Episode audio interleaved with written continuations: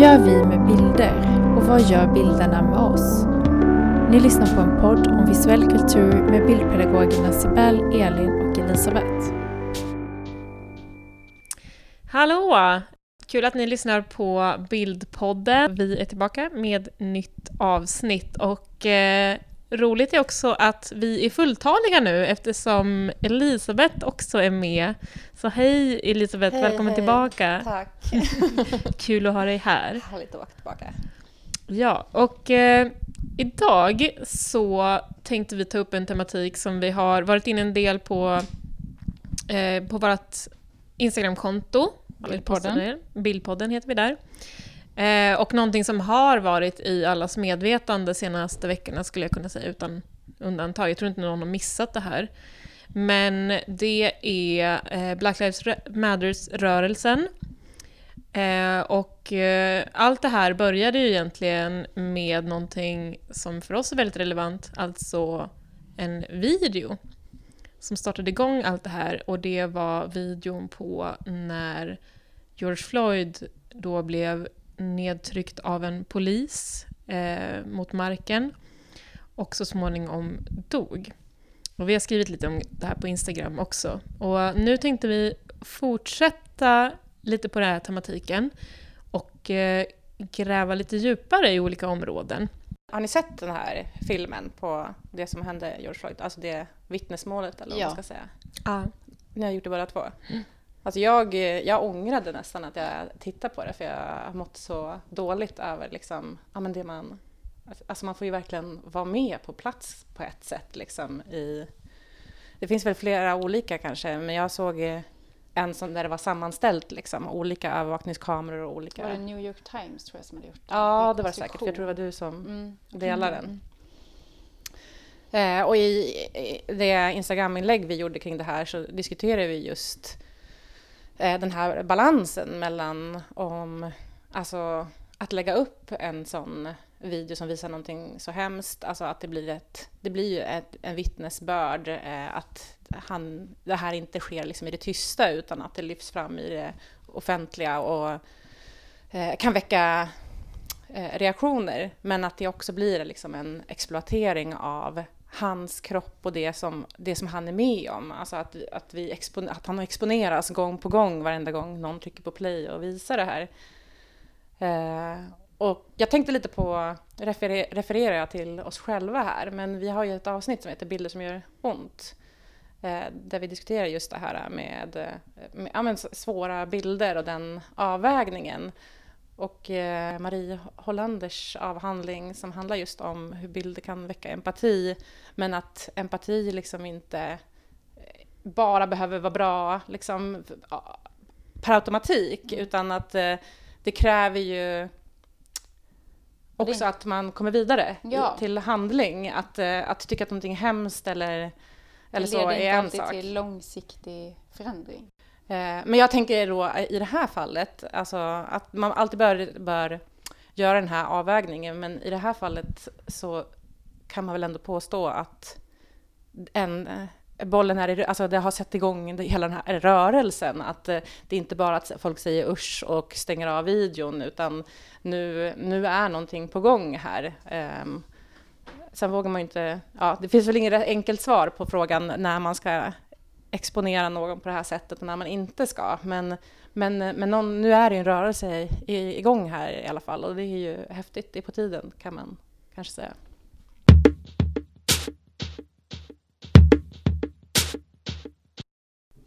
Och den här videon av George Floyd fick ju väldigt stor spridning på alla sociala plattformar.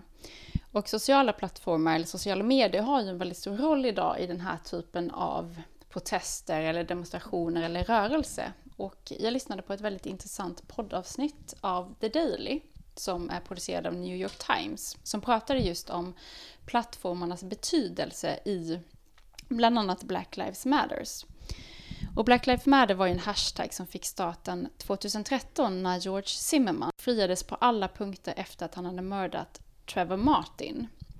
Men internationellt och nationellt så fick Black Lives Matters hashtaggen först kanske sitt genomslag året efter, 2014, när Michael Brown blev dödad i Missouri.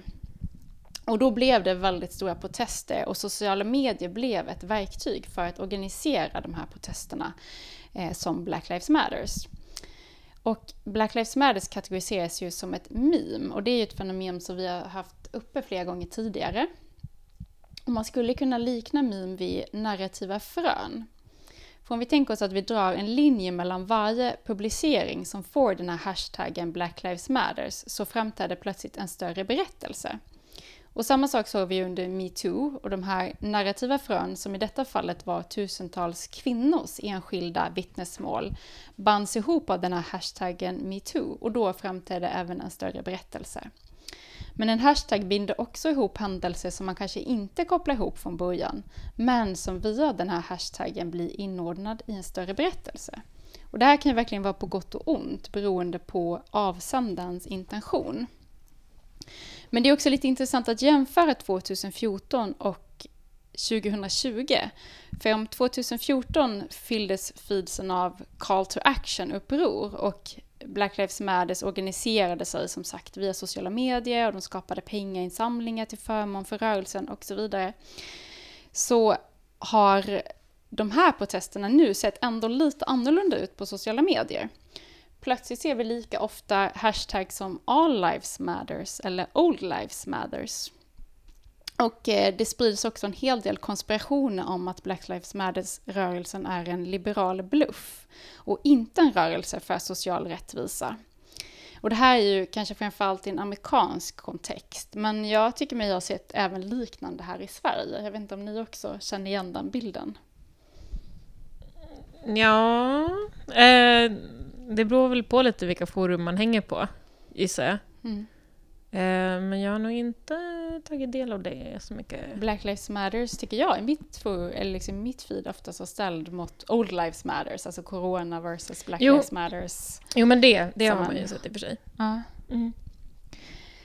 Eh, men jag tänker att det är intressant, det som visar ju då i, själv, eller det som är intressant är att undersökningar som har gjorts visar att människor generellt är positivt inställda och stöttande till Black Lives Matters i högre grad nu jämfört med 2014. Så då kan man ju verkligen fråga sig vad som har förändrats. För det verkar inte vara folks åsikt utan istället så verkar det vara sociala medier som har förändrats.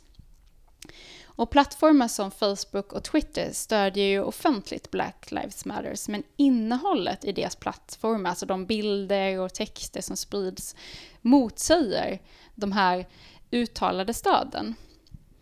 Och sociala medier var ju från början tänkt att sammanlänka människor och vara någon slags free speech-miljöer. Eh, men man kan ju se, och det har vi också varit uppe i tidigare poddavsnitt att under 2016, det här amerikanska valet, så tappade de här företagen, Facebook och liknande, bollen lite grann. Man tillät ju exempelvis bli kapad av Ryssland, man tillät clickbaits-fabriker att använda plattformen, man sålde data och missinformation fick spridas ganska fritt. Och jag tänker nu att i den här podden så tar de upp också att de här företagen står nu inför något slags skifte där man måste välja mellan att stötta demokratiska processer eller om man vill stötta processer som istället underminerar demokratin. Och de här olika företagen som Facebook och Twitter har agerat lite olika men ändå förvånansvärt lika. Eh, men Twitter har i alla fall bestämt sig för att stoppa all politisk reklam från politiker eller lobbyister exempelvis, medan Facebook inte har gjort liknande. Och jag tänker också att det är lite intressant att titta på hur olika de här plattformarna behandlar Donald Trump. Eh, för både Facebook och Twitter har ju tydliga riktlinjer kring innehållet, alltså vad för typ av bilder man får publicera och vad man får skriva. Och Trump balanserar ju ofta på en ganska så tunn linje, eller ganska ofta korsar den linjen också skulle jag nog vilja säga. Eh, men Twitter har vidtagit vissa åtgärder. Man har exempelvis satt en faktagranskningsmärkning på vissa av Trumps inlägg. Och i början av Black Lives Matter-protesten här i våras så gjorde Trump en ganska omtalad tweet som avslutades med “When the looting starts, the shooting starts” som var någon slags hot eller ett löfte om att de här demonstrationerna skulle mötas med våld. Och uppmaningar till våld bryter ju mot både Twitter och Facebooks riktlinjer. Och Twitter satte en varningsmärkning på det här inlägget som gjorde, och gjorde också så att inlägget inte kunde retweetas. Men Facebook gjorde ingenting. Men Twitters agerande har ju en ganska stor så här, symbolisk betydelse. Och i podden så eh, visar de också, eller de pratar kring eh, ett verktyg som heter Crowdtangler, där man kan se de mest spridda och omtalade inläggen. Eh, och där framkom det att de senaste veckornas top 10 på Facebook består av Trumps inlägg samt olika konservativa högeravsändare. Så det här är alltså de mest aktiva användarna på Facebook. Det är ju också ganska intressant kopplat till de här protesterna. Och jag tänker om vi ska ta ett, ett tydligt exempel så gjorde Mark Zuckerberg ett inlägg där han gick ut med att han stöttar Black Lives Matters och att han vill satsa väldigt mycket pengar. Eh, och exakt samma dag så var det Facebook-inlägg som hade störst spridning bestod av den konservativa aktivisten Candice Owen som hade spelat in en video där hon pratade om att George Floyd var en skurk och att Black Lives Matters var en liberal bluff. En ganska så här obehaglig och konspiratorisk video. Eh, och jag tänker lite grann att slutpoängen med det här är väl att det finns inga neutrala plattformar. Teknik är inte neutralt. Och att om företagen inte tar ställning eller väljer sida så kommer alla användare göra det genom det innehåll som de sprider. Och samtidigt så är det också skrämmande att en företagsledare då, att det faller på en företagsledare att välja ta ställning, för då handlar det ju väldigt mycket om den enskilda individens politiska åskådningar, åsikter och värderingar. Eller helt enkelt vilken typ av berättelse som exempelvis Mark Zuckerberg väljer att tro på.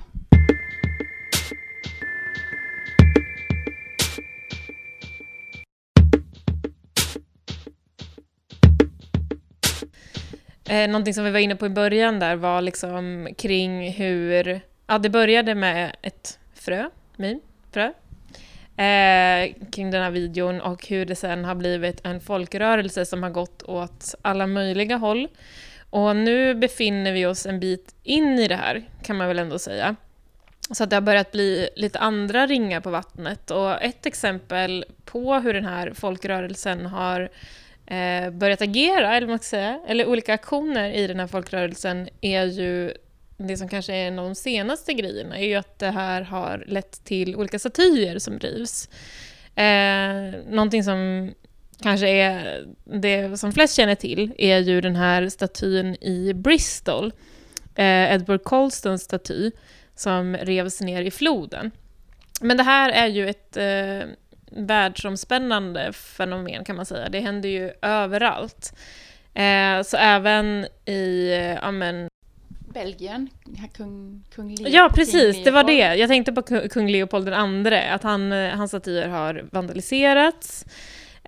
Kristoffer eh, Columbus har blivit av med huvudet i Boston.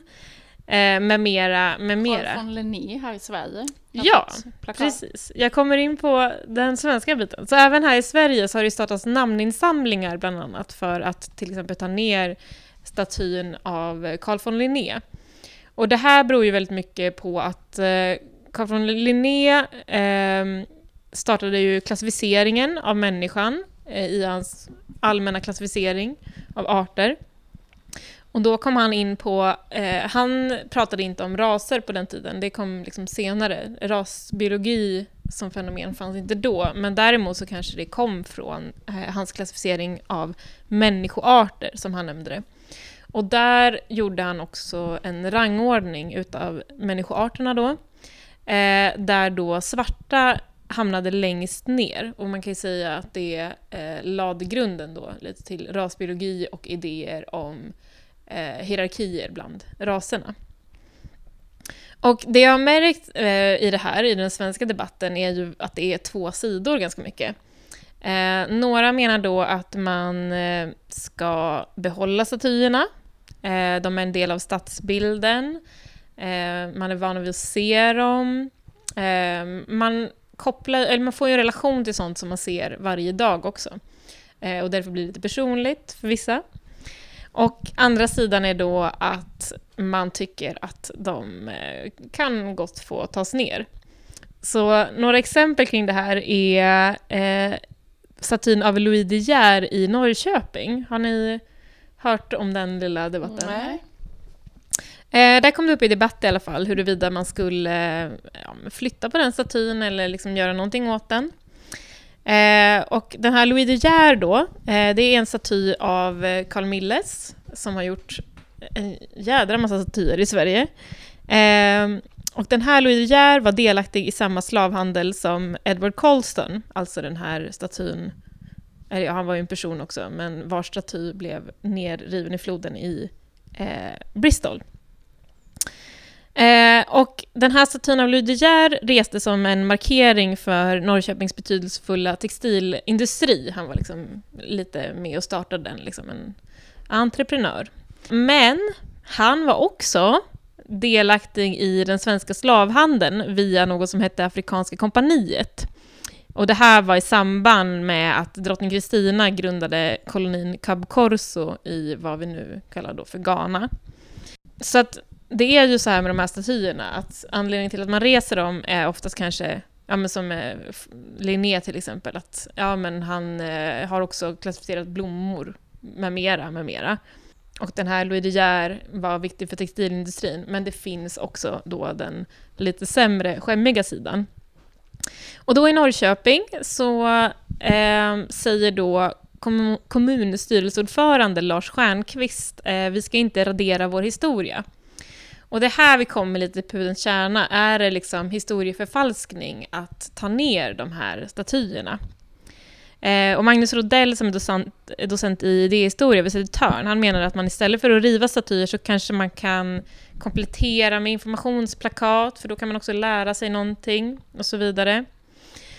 Och då kommer även Carl Johan De Geer in här, för han är ju då alltså släkting till Louis De Geer. Och det han vill då är att han vill också, han är inne på det här kompletteringsspåret. Och, han, Carl Johan De Geer är eh, konstnär. han är konstnär, ja. exakt. Och han har också haft en utställning nu i Norrköping om eh, slavhandel och så vidare, för att han blev liksom... Han hade någon kompis i Brasilien som då berättade för honom vad De Geer-familjen liksom hade... Ja, men hur de hade förpestat eh, den här brasilianarens liv då i sin tur. Och Carl Johan De Geer hade ingen aning om det här och fick lära sig väldigt mycket.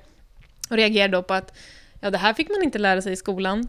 Eh, så hans förslag då är att han vill göra en staty av en pojke i skolbänk bredvid då Louis De Geer, som en kommentar om att eh, det inte sker någon undervisning i skolan om Sveriges inblandning i slaveriet. Det baserar han på sin egen skolgång då, så att det kanske faktiskt sker nu. Eh, så det är liksom lite ena sidan, att man liksom tänker de får stå kvar, men vi kanske behöver komplettera med information så att man lär sig någonting mer. Var det ett förslag han hade eller är det gjort? Det är ett förslag Ja. som han... Det är, liksom på, det är en diskussion som pågår nu. Exakt, precis. Men sen så har vi då andra sidan. Eh, och där skrev eh, Ulrika Stare på Aftonbladet en artikel om eh, att statyer är hyllningar, inte en neutral historieskrivning. Så att man faktiskt reser en staty av någon är liksom ett val som någon gör av att hylla en person. Så på sätt och vis så finns det redan, alltså valet görs av en person med makt också. Och det här blir ganska komplicerat om man tänker också till hur det funkar i USA. I USA till exempel så finns det minnesmonument av eh, eh olika slavhandlare och mäktiga personer. Och hela processen till att de här minnesmonumenten restes då eh, var att de restes långt efter att inbördeskriget var slut. När då afroamerikaner började få inflytande i samhället.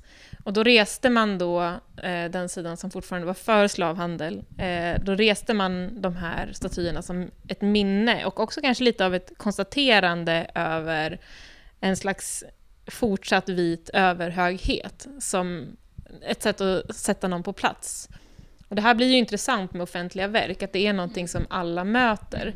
Och det är väl också det som blir lite problematiskt, att så här, ska man vara i en stad och hela tiden bli påmind om... Ja, det blir som pekpinnar, att så här, du kommer väl ihåg att vem som har makten och så vidare. Eh, och en filosof som heter Helene Frove, kanske fel utav nu, hon säger också att om en mo monument främst är av historiskt värde, så skulle ju då i så fall statyer av till exempel Hitler kunna resas, för att han gjorde då historisk skillnad. Men det gör man inte. Eh, så att man gör ju liksom avvägande där. Eh, men det visar ändå och hyllar en, eh, ja, men en historiefalskning som är redan på gång då, eftersom man gör ett val. Historia är ju inte neutralt. Mm. Utan det blir en historieförfalskning i och med att man hyllar en person och då också eh, döljer någonting Eller en förenkling annat. i alla fall, tänker jag. Alltså, om, det, om en person har gjort gott och ont och så lyfter man bara det goda och döljer det onda så blir det ju det blir kanske inte falskt, men det blir eh, halvt. Det blir inte, eller det blir inte hela bilden. Precis, och när man gör det om och om igen så blir det systematiskt också. Mm. Ehm, och då blir det också tydligt vilka det är som gör de här valen. Att de då bevarar sin makt genom att Mm. resa de här statyerna. Eh, så det jag tänker är också kring det här med vältandet av statyer, att så här, man får också komma ihåg att det här är ingen grej som händer för första gången nu, utan det finns ett otroligt historiskt arv utav att liksom välta statyer som lite av en symbol för förändring. Eh, att välta en staty är ju en slags demonstration av maktskifte eller av revolution. Det betyder då kanske att en era har fallit och då fysiskt så får någonting annat ta plats. Så fysiskt skapar det plats för någonting annat. Eh, för statyer är ju liksom symbolvärde i materiell form. Och ett visuellt fenomen som också inrymmer då åsikter, tankar och en verklighet som är sedd från en speciell synvinkel. Och tittar man lite bakåt i tiden så kanske vi minns då Saddam Hussein-statyn som revs ner eh, kort efter hans tillfångatagande, eller kanske hans avrättning till och med. Eh, Lenin och Stalin-monumenten revs efter Sovjetunionens fall. Och går vi ännu längre tillbaka så kan vi börja prata om ikonoklasm också. Och ikonoklasm är ju ganska traditionellt kopplad till religiösa bilder, ibland även politiska bilder. Eh, men då är vi inne på 700-800-tal, när man då istället för bilder i kyrkorna ville då ha text, för att det kändes renare. Att bilder kan man tolka, det är farligt, det kan finnas humor och det kan finnas eh, ja, men, tolkningsutrymme, som man inte då ville att de här som kom till kyrkan skulle liksom få utrymme att läsa in. Så då, texten var då lite ja, mer direkt i sin form, och då bytte man då ut bilderna till text. Det här eh, skedde- också under reformationen under eh, bysantiska riken i, eh, under 1500-talet. Eh, så man brukar inte använda det här om till exempel olika kulturers, alltså att man, en, en, en kultur tar över och tar, av, tar bort en annan kulturs bilder eller monument. Eh, och när man då tar bort monument av härskare efter att de har dött, då kallas det för damnatio memorae. Eh, det var min lilla historielektion här. Jätteintressant tycker jag det var. Ja, men jag tänker bara liksom att så här, det är kanske viktigt att se att liksom, det finns en tradition Mm. av att visa på ett maktskifte genom att förändra stadsbilden på det här sättet. Att liksom ta makt över det offentliga rummet. Eh, och sen vad man tycker är korrekt i den här debatten får man ju såklart avgöra själv.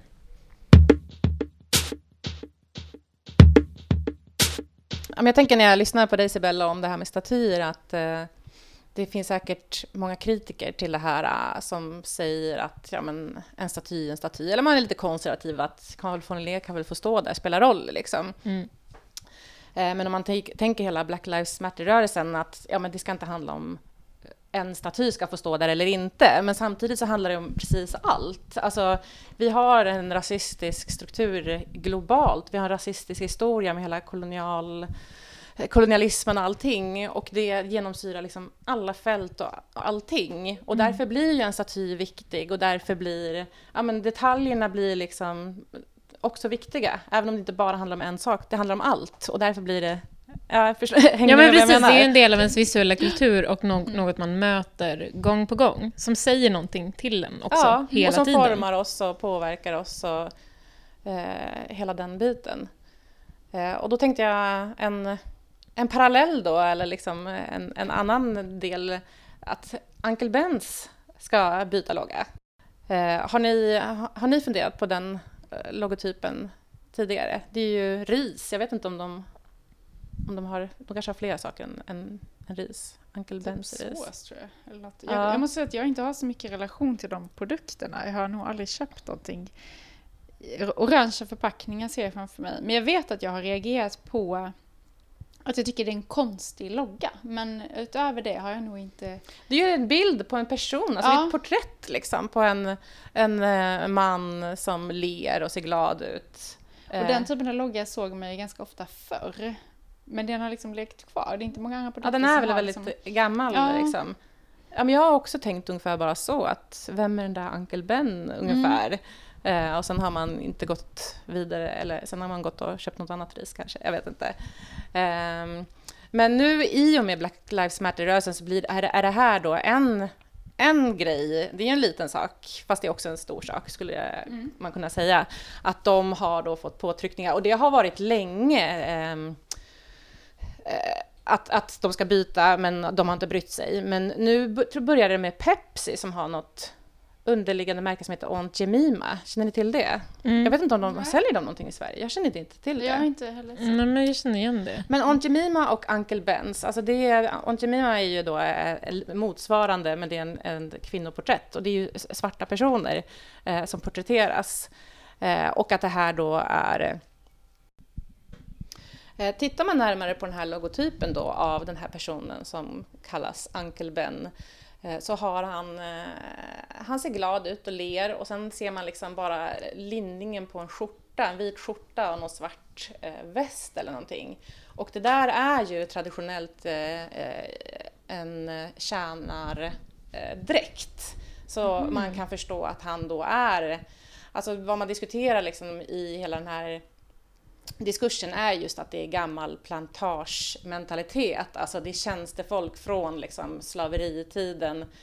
Eh, och jag, jag är inte stenkoll nu så jag ber om ursäkt alla om jag säger någonting som låter dumt.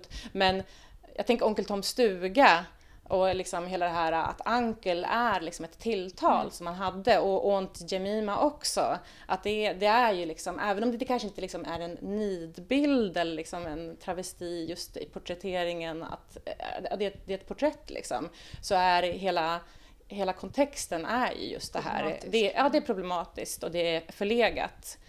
Eh, sen kan man ju tycka att de kanske kunde ha tagit upp det själva, för det här blir ju på något sätt, det är ju mycket sånt som pågår nu, att det blir påtryckningar och då kan man ju gissa att det snarare är de kommersiella krafterna som de är rädda för att de ska tappa liksom, intäkter för att de blir förlegade på det sättet, än att de faktiskt har, har värderingar. Synat sina... vad de gör liksom. Men det är ju inte bara, alltså det här är ju också en, en väldigt mycket större diskussion, att västerlandet har en, en, gam, en väldigt lång och traditionell unken eh, tradition av rasistisk reklam. Eh, och det handlar framför allt alla, eh, om kolonialvaror som bananer, kaffe, kakao och sådär. Att man har lanserat det med bild av det land där det kommer ifrån, bananer, men också av en person från det landet. Och då kommer vi in liksom på hela den här blackface-traditionen också, eh, som vi var inne lite i, tror jag, på vårt avsnitt om stereotypa bilder. Så jag tänkte jag drar det också, för att man, liksom, man behöver kontextualisera det här. Och eh, blackface handlar ju om att det är vita personer, vithyade, som klär ut sig då till svarta genom att måla sig i ansiktet och sminka sig, ja men väldigt mörka och överdrivna läppar. Eh, och det, den traditionen har funnits väldigt långt bak i tiden, men just det här blackface säger man blev eh, stort på 1830-talet i USA när man gjorde så här minstrel shows, där det är då vita som eh, som klär ut sig och har skådespel där man liksom visar upp eh, Eh, hur det gick till på plantagerna och eh, att eh, förlöjligar och att man bygger upp karaktärer kring liksom olika slavar. Det finns olika namn, Piccanini och allt möjligt, eh, där man framställer de här personerna som lite dumma, sävliga och glada över att de vita personerna tar hand om dem och är deras husbonde och hela den här biten. Att, eh, ja, det är en, en väldigt osmaklig tradition. Och tittar man, söker man bakåt så kan man också hitta klippdockor, böcker, barnböcker, att det liksom finns en hel eh, Ja, en, en gedigen tradition kring det här. Eh, och den kommer också då tillbaka i, i bildtraditioner i reklam. Um, ända fram till idag. Alltså det dyker upp hela tiden eh, rasistisk reklam där eh, företag trampar i klaveret, mm. typ så. Eh, och Fatser, säger man så? Mm. Fatser säger man va? Mm. Eh, ett, ett, ett finskt märke. Men i vilket fall som helst så lanserar de lakrits med ett blackface ända till 2017 mm. bytte de. Det är ju liksom bara något år sedan. Och just kakao och choklad, det finns det mm. jättemycket exempel på hur man lanserar eh, svart modell med naken hud och så smälter det choklad över dem. Att man liksom hela tiden gör de här parallellerna. Och att det handlar mycket om att ja, den här gamla koloniala traditionen att man lanserar en vara tillsammans med en människa, alltså en svart person, så att varan blir synonym med, eller människan blir synonym med varan för den vita människan att konsumera. Vi konsumerar bananerna eh, men vi konsumerar även den svarta människan som håller i bananerna. Eller det finns liksom logotyper där man har ett svart ansikte och sen är liksom kroppen en banan så vi liksom bokstavligen ska äta upp personen. Mm. Eh, och känner man till den traditionen så blir det liksom, det kanske är snygg ljussättning, snygga former och eh, konturer på den här chokladen som smälter över en svart kropp. Men det är liksom inte bara det det är, utan mm. det är den här traditionen att vi konsumerar eh, kropparna. Mm.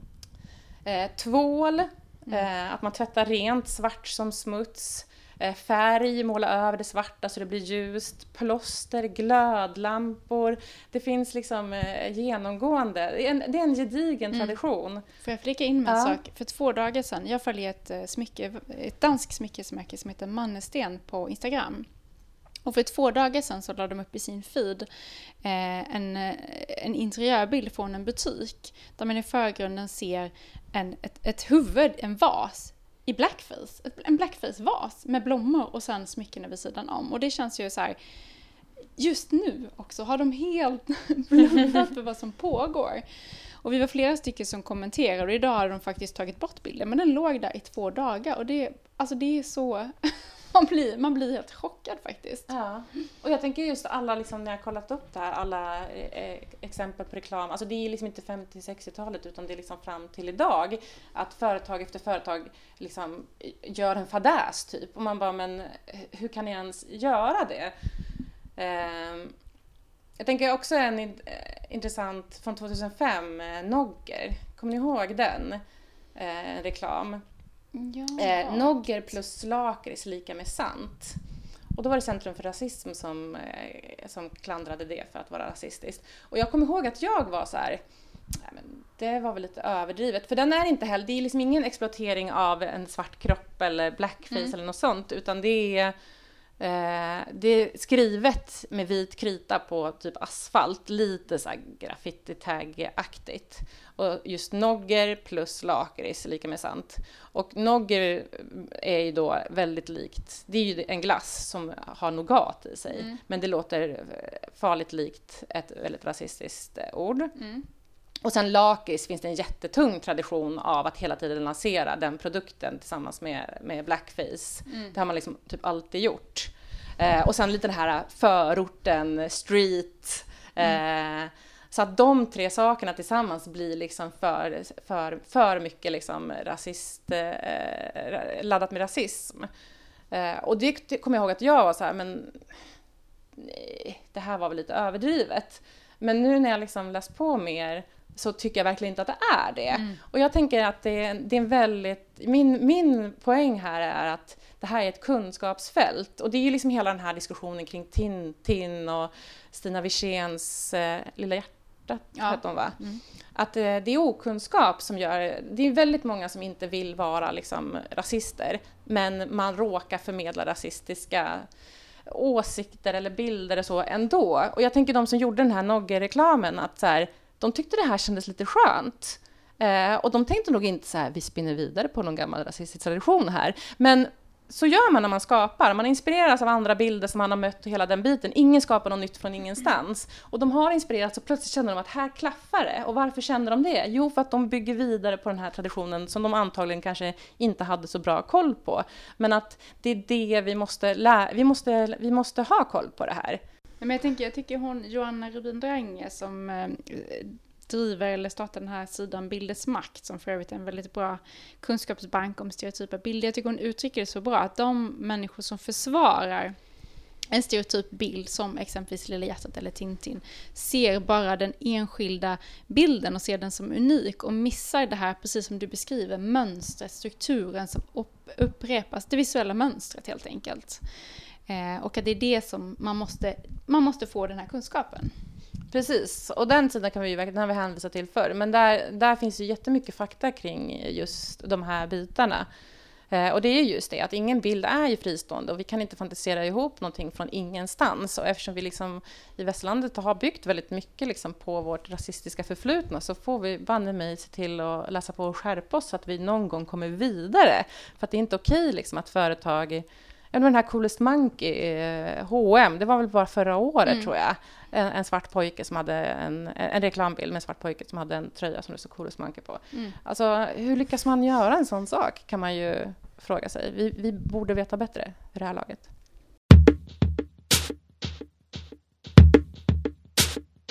Ja, men nu har du pratat lite grann om rasistiska representationer kan man säga.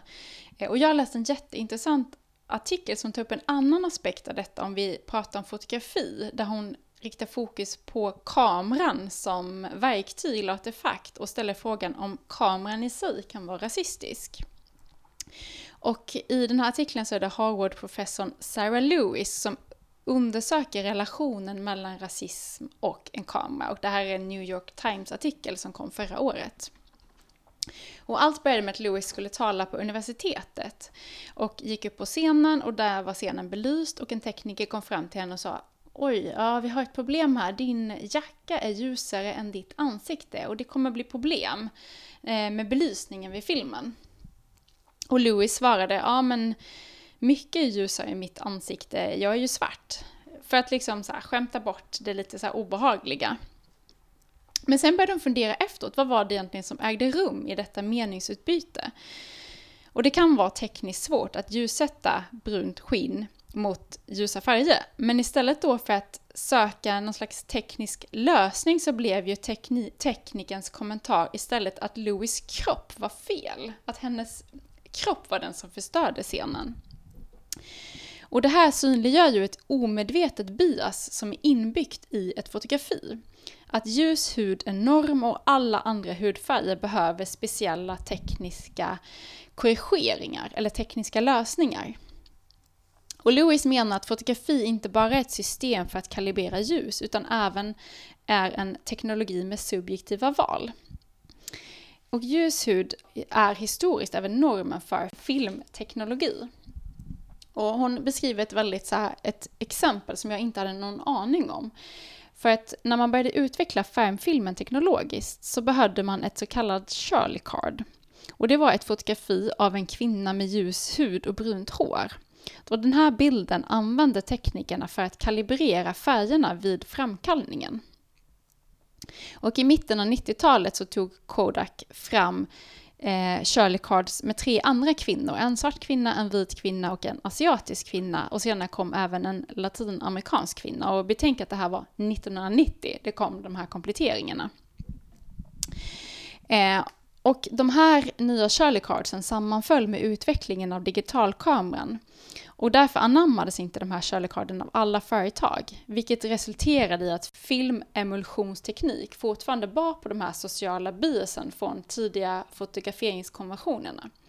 Och det knäppa är, i den artikeln, som framgår, då är det inte så att Kodak började känna så här, åh det är problematiskt att vi bara, att vi har den här vithetsnormen som vi färgkorrigerar allas skinn, utan då var det chokladföretag och det var träföretag som började klaga på Kodak för att de i sina fotografiska bilder inte lyckades få rätt brun nyans på sina chokladprodukter eller på sina eh, träprodukter med den dåvarande Shirley-bilden som hade ljus hud.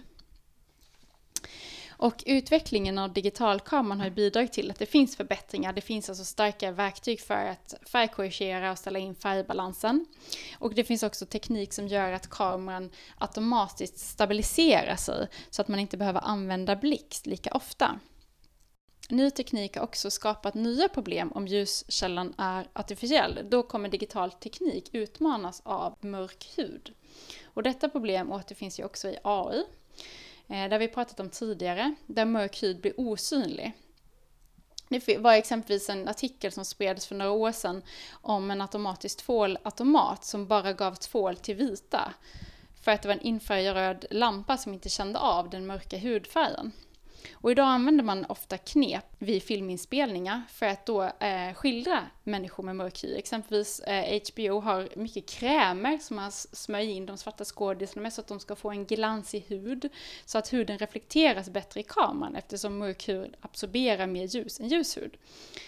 Eh, och det här tänker jag ändå blir lite bisarrt, att man hela tiden försöker lösa det här med efterkonstruktioner, utan istället gå till själva kärnan i problemet att normen alltid är ljus hud. Och eftersom de flesta skådisar är vita så har man också utvecklat tekniken därefter. Då blir ju också följdfrågan, varför är de flesta skådisar vita? Ja, men just med de här Shirley cardsen så är det också lustigt att liksom hur fel det blir när de försöker göra rätt också, som när Kodak liksom lanserade, de var ju tvungna liksom så här, nu ska vi lansera att vi eh, även tar hänsyn till att alla som filmas in, eller fotas inte är vita. Så nu lanserar vi den här kampanjen med, som du sa Elin, att så här, man förde in att även kameran kunde ta hänsyn till asiatiska... Svart, asiatisk eh, och sen så var det också latinamerikansk. Ja, och det gör man genom en kampanj med superstereotypa bilder på de här personerna i liksom, i princip folkdräkt. Ja. Eh, så att liksom ett steg fram, två steg bak. Men exempel på det här, liksom, hur, hur det blev i, ja, i framkallningen och så vidare, är ju liksom gamla, gamla nummer av eh, National Geographics, där man ser väldigt tydligt, då, det här går ju att googla på, liksom, men där, där man ser väldigt tydligt liksom, att så här, det finns nyansskiftningar i vita som porträtteras medan då svarta som porträtteras, bara alla har exakt samma hudnyans. Eh, och det finns liksom ingen variation, det blir en ganska platt yta. Mm. Eh, om man vill se hur det såg ut då mm. i realiteten.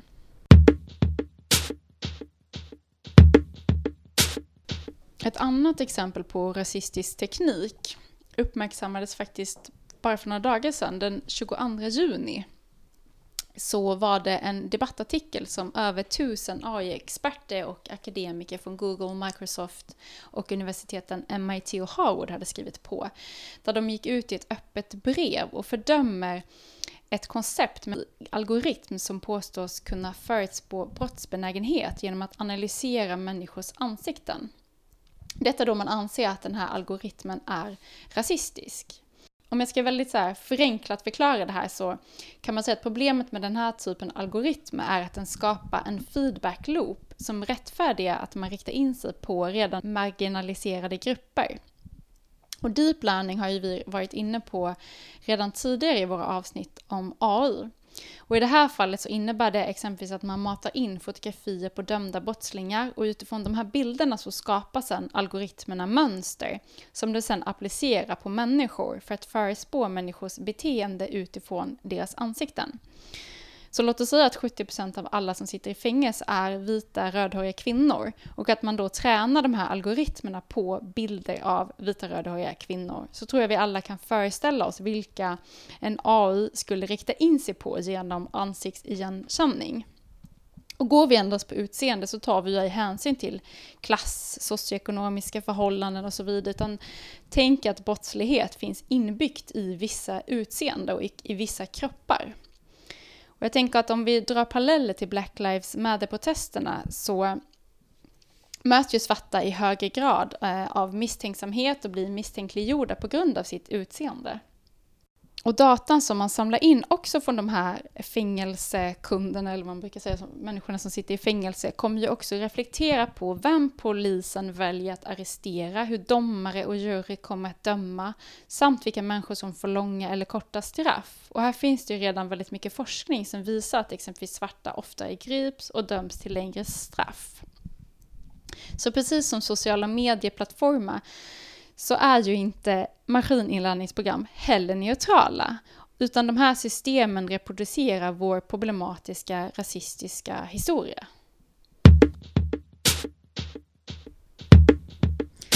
Ja, men om man ska sammanfatta det vi har pratat om idag så skulle man ju kunna säga att eh, egentligen ingenting är neutralt. Eh, varken sociala medier, ens kameror, statyer eller olika förpackningar egentligen, eller reklam och så vidare. Eh, att allting liksom tillhör lite samma system egentligen av, och liksom påverkar och inverkar på vår visuella kultur. Ja, om man vill använda bilder och sprida bilder på ett lite mer medvetet sätt eh, och vara med och förändra de här strukturerna så skulle vi vilja avsluta med några tips. Eh, jag skulle vilja tipsa om någonting som heter A Call for Change, som är ett upprop från afrosvenska kulturarbetare. Eh, liknande Lena Thomsgårds eh, Rättviseförmedlingen. Rättviseförmedlingen, tack Elin. Att det synliggör då alla afrosvenska kulturarbetare, att man får se att så här, gud, det finns faktiskt väldigt många som jobbar med kultur, som är afrosvenskar, Eh, och också eh, gör att, ja, är man typ arbetsgivare till exempel, att man liksom vet att det finns väldigt många som jobbar med det här. Mm, ja, men bildesmakt.se har ju vi varit inne på här innan idag som är jättebra, som jag verkligen tycker att man ska gå in och kolla på. Eh, och sen har vi ett, eller ett annat tips som är worldwideweb.net som är ett projekt som leds av konstnären Johanna Burall. Eh, och när man söker på hand på Google så får du ofta, oavsett var du befinner dig i världen, upp mängder med bilder på just vita händer. Och det här projektet är då tänkt att försöka istället eh, motverka det här genom att Johanna Buray har tagit fram ett antal bilder på händer som har andra hudfärger och hon vill gärna att man sprider de här bilderna så mycket som möjligt. För ju mer vi sprider de här bilderna, ju mer matar vi algoritmerna så att de här kommer högre upp i sökfunktionen eh, på Google. Så det kan man gå in och titta på. Eh, och sen så vill jag också tipsa om vårt andra avsnitt som vi hade tidigare, eller två avsnitt egentligen, som handlade om AI. Där konstnären Trevor Paglen har gjort en del projekt. De tog ju bland annat fram, han tillsammans med Kate Crawford tog fram det här Image Chat, ImageNet Roulette. Eh, och skrev en jätte, jättebra artikel som heter Excavating AI. Precis, så dels så kan man kolla på den hemsidan, excavating.ai om man vill läsa hela den essän som är riktigt bra. Eller så kan man lyssna på vårt avsnitt om AI. AI, AI ser dig. Precis, AI ser dig. Och med de tipsen så avslutar vi där och eh, vill tacka er alla för att ni har lyssnat. Eh, som jag alltid tjatar om så får ni gärna följa oss på Instagram på Bildpodden eller och kanske också eh, gå in på Facebook. Vi är mer aktiva kan man säga på Instagram, eller hur? Precis, precis. Men vi brukar lägga upp när vi har nya avsnitt på Facebook också, eh, där vi också heter Bildpodden såklart. Eh, så tack för att ni har lyssnat och eh, vi hörs. Hej då!